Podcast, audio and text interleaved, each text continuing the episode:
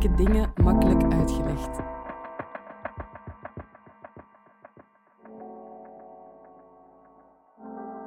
Dit is de podcast van Moeilijke Dingen Makkelijk Uitgelegd. Wie de wereld wil verbeteren, moet wel begrijpen hoe die werkt. Daarom laten we in Moeilijke Dingen Makkelijk Uitgelegd een expert 10 minuten aan het woord om een complex onderwerp uit te leggen. Deze keer Simon Schepers van Kazerne Docent over polarisatie.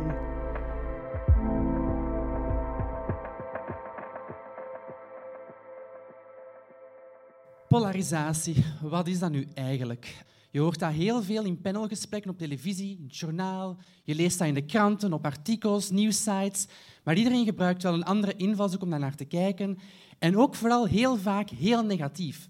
Polarisatie wordt heel vaak gezien als iets dat de samenleving bedreigt, dat de sociale cohesie ondermijnt. En daar wil ik al meteen wat nuance in brengen. Polarisatie is niet altijd slecht. Soms is polarisatie broodnodig voor je democratie. En we leven nu toch wel in een democratie waar je ook van mening mag verschillen. En dat is eigenlijk wel de essentie van polarisatie. In plaats van een hele hoop definities te geven, wil ik jullie meenemen in één denkkader, want er zijn verschillende denkkaders. Maar eentje van een Nederlandse filosoof, waar wij ook heel nauw mee samenwerken als museum. En dat is eh, Bart Brandsma. En hij heeft een boek geschreven over polarisatie, de inzicht in de dynamiek van, van wij-zij-denken. En um, hij heeft dat ook gedaan vanuit zijn ervaring als journalist, als filosoof. Hij heeft in het Midden-Oosten gewerkt, in Noord-Ierland. Hij heeft heel veel rond conflicten gewerkt, waar eigenlijk een hele diepe polarisatie onder zit. Want dat is ook belangrijk. Een conflict is iets dat je duidelijk ziet. Mensen die op de vuist gaan, die ruzie maken. Polarisatie is alles dat meer in de onderbuik zit. Meer te maken heeft met gevoelens, niet zozeer met feiten. Polarisatie, zegt hij, daar moeten we rekening houden. Er zijn drie basiswetten. En dat, die drie basiswetten vormen een soort van definitie van wat polarisatie eigenlijk kan zijn. Polarisatie is een vorm van wij-zij-denken. Waarbij de samenleving wordt opgedeeld in groepen, in kampen. En dat kunnen hele reële groepen zijn, zoals in België heb je Vlamingen en Walen. Dat zijn twee groepen die er wel degelijk zijn. Maar polarisatie duikt eigenlijk pas echt op als die polen, die groepen, karakteristieken aan elkaar gaan geven. En dan hoor je uitspraken zoals Vlamingen zijn harde werkers en Walen zijn gezellig, bijvoorbeeld, heel positief. Kan ook heel negatief zijn. Vlamingen zijn bekrompen en racistisch en Walen zijn lui. Dat zijn van die uitspraken die je dan vaak hoort. Karakteristieken worden toegeschreven aan de andere pool. Dat is een gedachteconstructie die totaal niet gestoeld is op feiten. Dat gaat uit van bepaalde stereotypen, veralgemeningen, waarbij wij inderdaad in hokjes denken.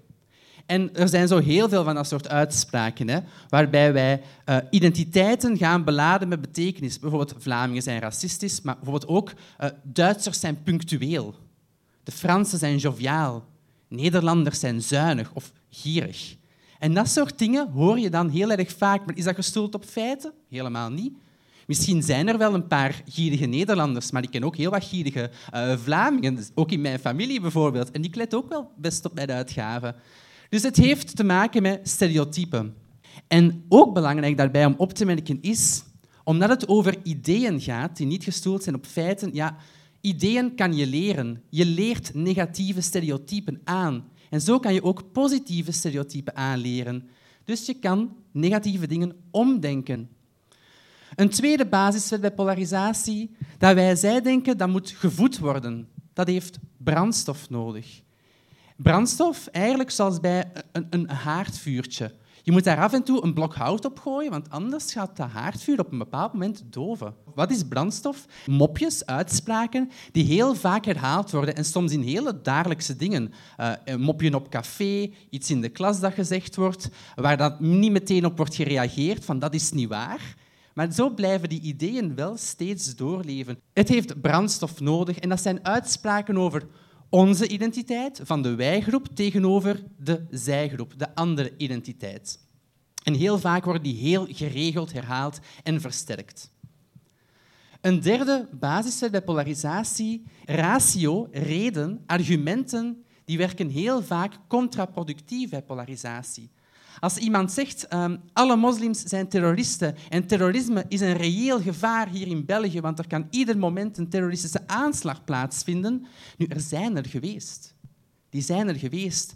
Maar in Vlaanderen of in België is terrorisme geen reëel gevaar. De kans dat je omkomt vandaag in België door een terroristische aanslag, de kans dat je een ijskast op je hoofd krijgt of een piano en daaraan sterft wanneer je op straat wandelt, is duizenden keren groter. Maar toch is die angst heel erg levendig bij mensen. Mensen voelen echt dat het een probleem is. Waar is terrorisme een echt probleem? In Irak, als je daar woont. Daar is de kans dat je sterft bij een aanslag heel erg groot. Hier niet. Als je mensen wil depolariseren, moet je niet met argumenten en feiten komen. Want dan krijg je het gevoel bij mensen dat je niet naar hun emoties luistert. Als iemand zegt, uh, alle Marokkanen zijn crimineel, omdat hij misschien ooit eens bestolen is door een Marokkaanse man, dat kan gebeuren. Zo hoor je wel eens verhalen. En als je dan meteen gaat zeggen, ja, maar nee, dat klopt niet, want de criminaliteitscijfers bewijzen iets helemaal anders, dan zal die persoon dat zien als eigenlijk iets dat zijn idee bevestigt. Zie je wel, jij luistert niet naar mij. Ik doe er niet toe, maar ik heb een probleem. Dus je moet echt luisteren naar gevoelens en verlangens van mensen, ook al klopt het niet altijd wat ze zeggen. Hoe ontstaat dan polarisatie of dat wij zij denken? Uh, het ontstaat gewoon omdat wij mensen zijn. Het is echt, echt waar eigen aan de mensheid en we doen het allemaal. Want bij polarisatie wordt heel vaak gezegd, uh, ik polariseer niet hoor, het is een andere die polariseert. Uh, nee, je moet eerst eens naar jezelf kijken. En hoe begint dat al? Gewoon door kleine dingetjes. Dat hokjesdenken dat al eens ter sprake is gekomen.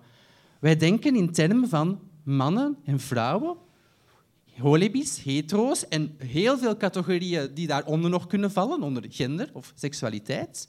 Maar ook in Vlamingen, Walen, in Belgen, Fransen, Nederlanders. En, en al die hokjes die hebben we.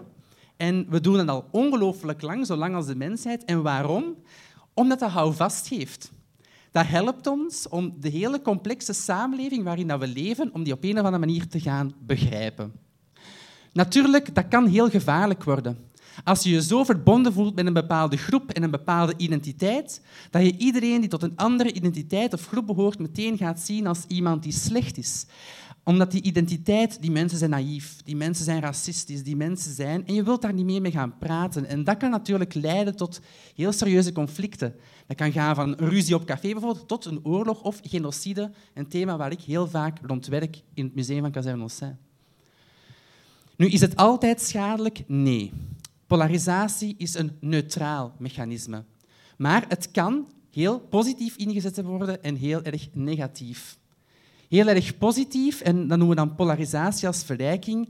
Ja, we moeten allemaal van mening kunnen verschillen, zeker in een democratische rechtsstaat. En we mogen ook heel heftig van mening verschillen.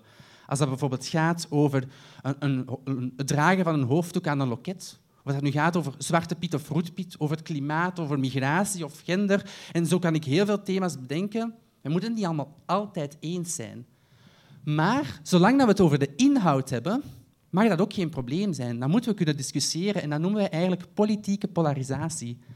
Dat is meer een stijl van in discussie gaan, meer dan dat het werk is van politici. Want er zijn heel veel politici die niet altijd over de inhoud bezig zijn, maar veel meer over identiteit en eigenlijk niet op de bal spelen, maar op de man. Dat zie je wel regelmatig gebeuren. Politieke polarisatie moet kunnen. Meningen staan tegenover elkaar en met redelijke argumenten ga je zoeken naar een oplossing. Dat is heel positief als je kijkt naar vrouwenstemrecht. Afschaffing van de slavernij, afschaffing van het apartheidsregime. Dat is omdat er op een bepaald moment mensen gaan polariseren en het status quo in de samenleving in vraag beginnen te stellen. En zeggen van, wordt het niet eens tijd dat vrouwen stemrecht krijgen? Zij zijn toch deel van de samenleving? Wordt het niet eens tijd dat er een einde wordt gemaakt aan die slavernij? Of wordt het niet eens tijd dat het glazen plafond doorbroken wordt? En dan zeggen wij ook, als het over zo'n dingen gaat en je hebt het over de inhoud, moet je polariseren. Wij doen dat bijvoorbeeld over holocaust en mensenrechten. Zullen wij polariseren? Maar het kan dus ook heel gevaarlijk worden. Polarisatie kan een bedreiging vormen en dat noemen we interetnische of sociale polarisatie. Waarbij het niet meer over inhoud gaat, maar over identiteit. Waarbij identiteiten tegenover elkaar staan en ze elkaar volledig gaan verwerpen. Jij hebt een andere mening, dat maakt jou slecht en daarom wil ik niet meer met jou aan tafel zitten. Dan zijn we niet meer met elkaar aan het praten. Dan zien we elkaar echt als vijanden. En natuurlijk, in zo'n situatie kan dat echt leiden tot oorlog, in een ergste geval.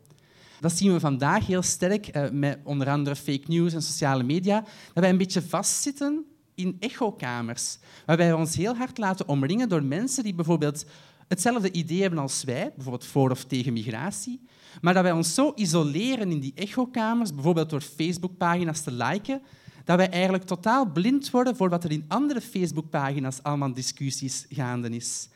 Als jouw beeld bevestigd wordt, dan ga jij je beter voelen, je identiteit wordt sterker, maar de andere identiteit wordt dan ook heel snel niks meer waard.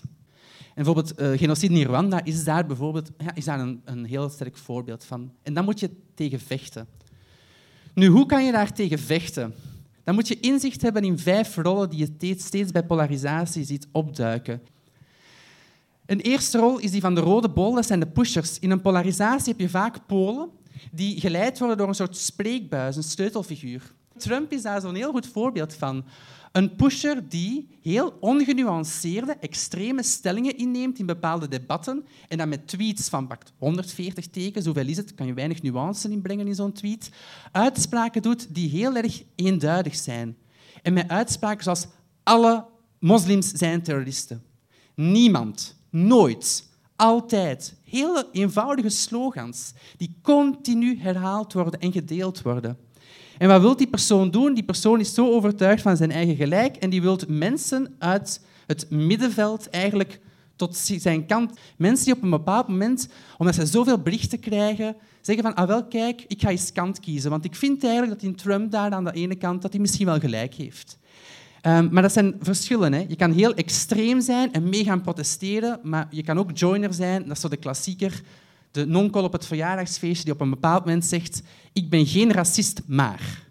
Dat is zo'n klassieker, dat herkent iedereen wel. Iemand die misschien niet helemaal overtuigd is, maar toch ergens wel in een bepaald debat een kant kiest. Die pushers die willen heel veel mensen uh, recruteren uit het stille midden. Het stille midden, waarom stil? Dat zijn de mensen die eigenlijk nooit in de pers aan woord komen. Dat zijn, ja, als je naar tv kijkt, wie wordt er meestal in een studio uitgenodigd? De meest extreme. Hè? Dat kan gaan van partijvoorzitters tot de topactivisten enzovoort. Maar de gewone man en vrouw in de straat, of alles daartussen, die vindt daar meestal geen, eh, geen plekje in. Dus de silent moeten we ook wel zien, dat is een heel diverse groep. Dat zijn mensen die bijvoorbeeld geen mening hebben over iets, die um, onverschillig zijn, tot mensen die heel genuanceerd zijn of beroepsneutrale, die niet mogen kiezen omdat dat van hun beroep verwacht wordt. En dan heb je een bruggenbouwer, dat is de laatste rol. Een bruggenbouwer is meestal iemand die polarisatie wil oplossen door zich boven de polarisatie te zeggen en te zeggen van kijk, we gaan dat hier eens oplossen, dat moet gedaan zijn. We gaan eens naar jou luisteren en naar jou luisteren. Een bruggenbouwer gaat heel vaak in gesprek met de De pushers, die eigenlijk vinden dat ze 100% gelijk hebben. Die zijn enkel geïnteresseerd in monoloog, niet in dialoog. Die zijn niet geïnteresseerd in een oplossing. Dus een bruggenbouwer, heel vaak, ja, slaagt hij er niet in om dat op te lossen. Wat kan je dan wel doen om dat op te lossen? Vier uh, kleine tips. Nu, ze klinken heel eenvoudig, maar in de praktijk zijn ze vaak wel een pakje moeilijker.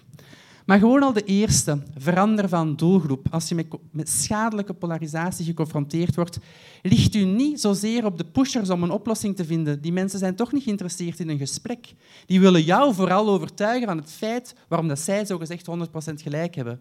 Richt jouw pijlen op het genuanceerde midden, want dat zijn ook de mensen die de doelgroep zijn van de pusher. Verander van onderwerp. Ga niet mee in de discussie over identiteit. Is de Vlaming racistisch, ja of nee? Dat is niet de discussie die je moet voeren. Ja, misschien is de vraag wel, hoe gaan we met elkaar om op sociale media? Verander van positie. Ga in het midden staan. In dat midden en luister naar dat midden. En een vierde, de allerlaatste, verander van toon. Spreek geen oordeel uit, maar wees vooral bezorgd en authentiek en ga continu het gesprek aan met de mensen. Ook al is een uitspraak heel erg extreem, toon dat je bereid bent om te luisteren naar de ander en te doorgronden wat de gevoelens en verlangens zijn. We moeten het niet allemaal eens zijn met elkaar op het einde van de rit, maar moeten wel door dezelfde deur kunnen gaan. En dat is heel erg belangrijk. Continu die hand uitsteken en zoeken naar die verbinding. Dank u wel.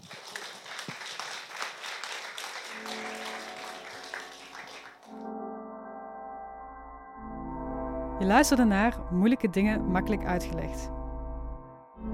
Ik ben Selma Fransen en samen met Curieus VZW organiseer ik de evenementenreeks Moeilijke Dingen Makkelijk Uitgelegd. Montage door Jelena Schmitz. Wil je graag reageren of een evenement bijwonen? Kijk dan op de Facebookpagina van Moeilijke Dingen Makkelijk Uitgelegd.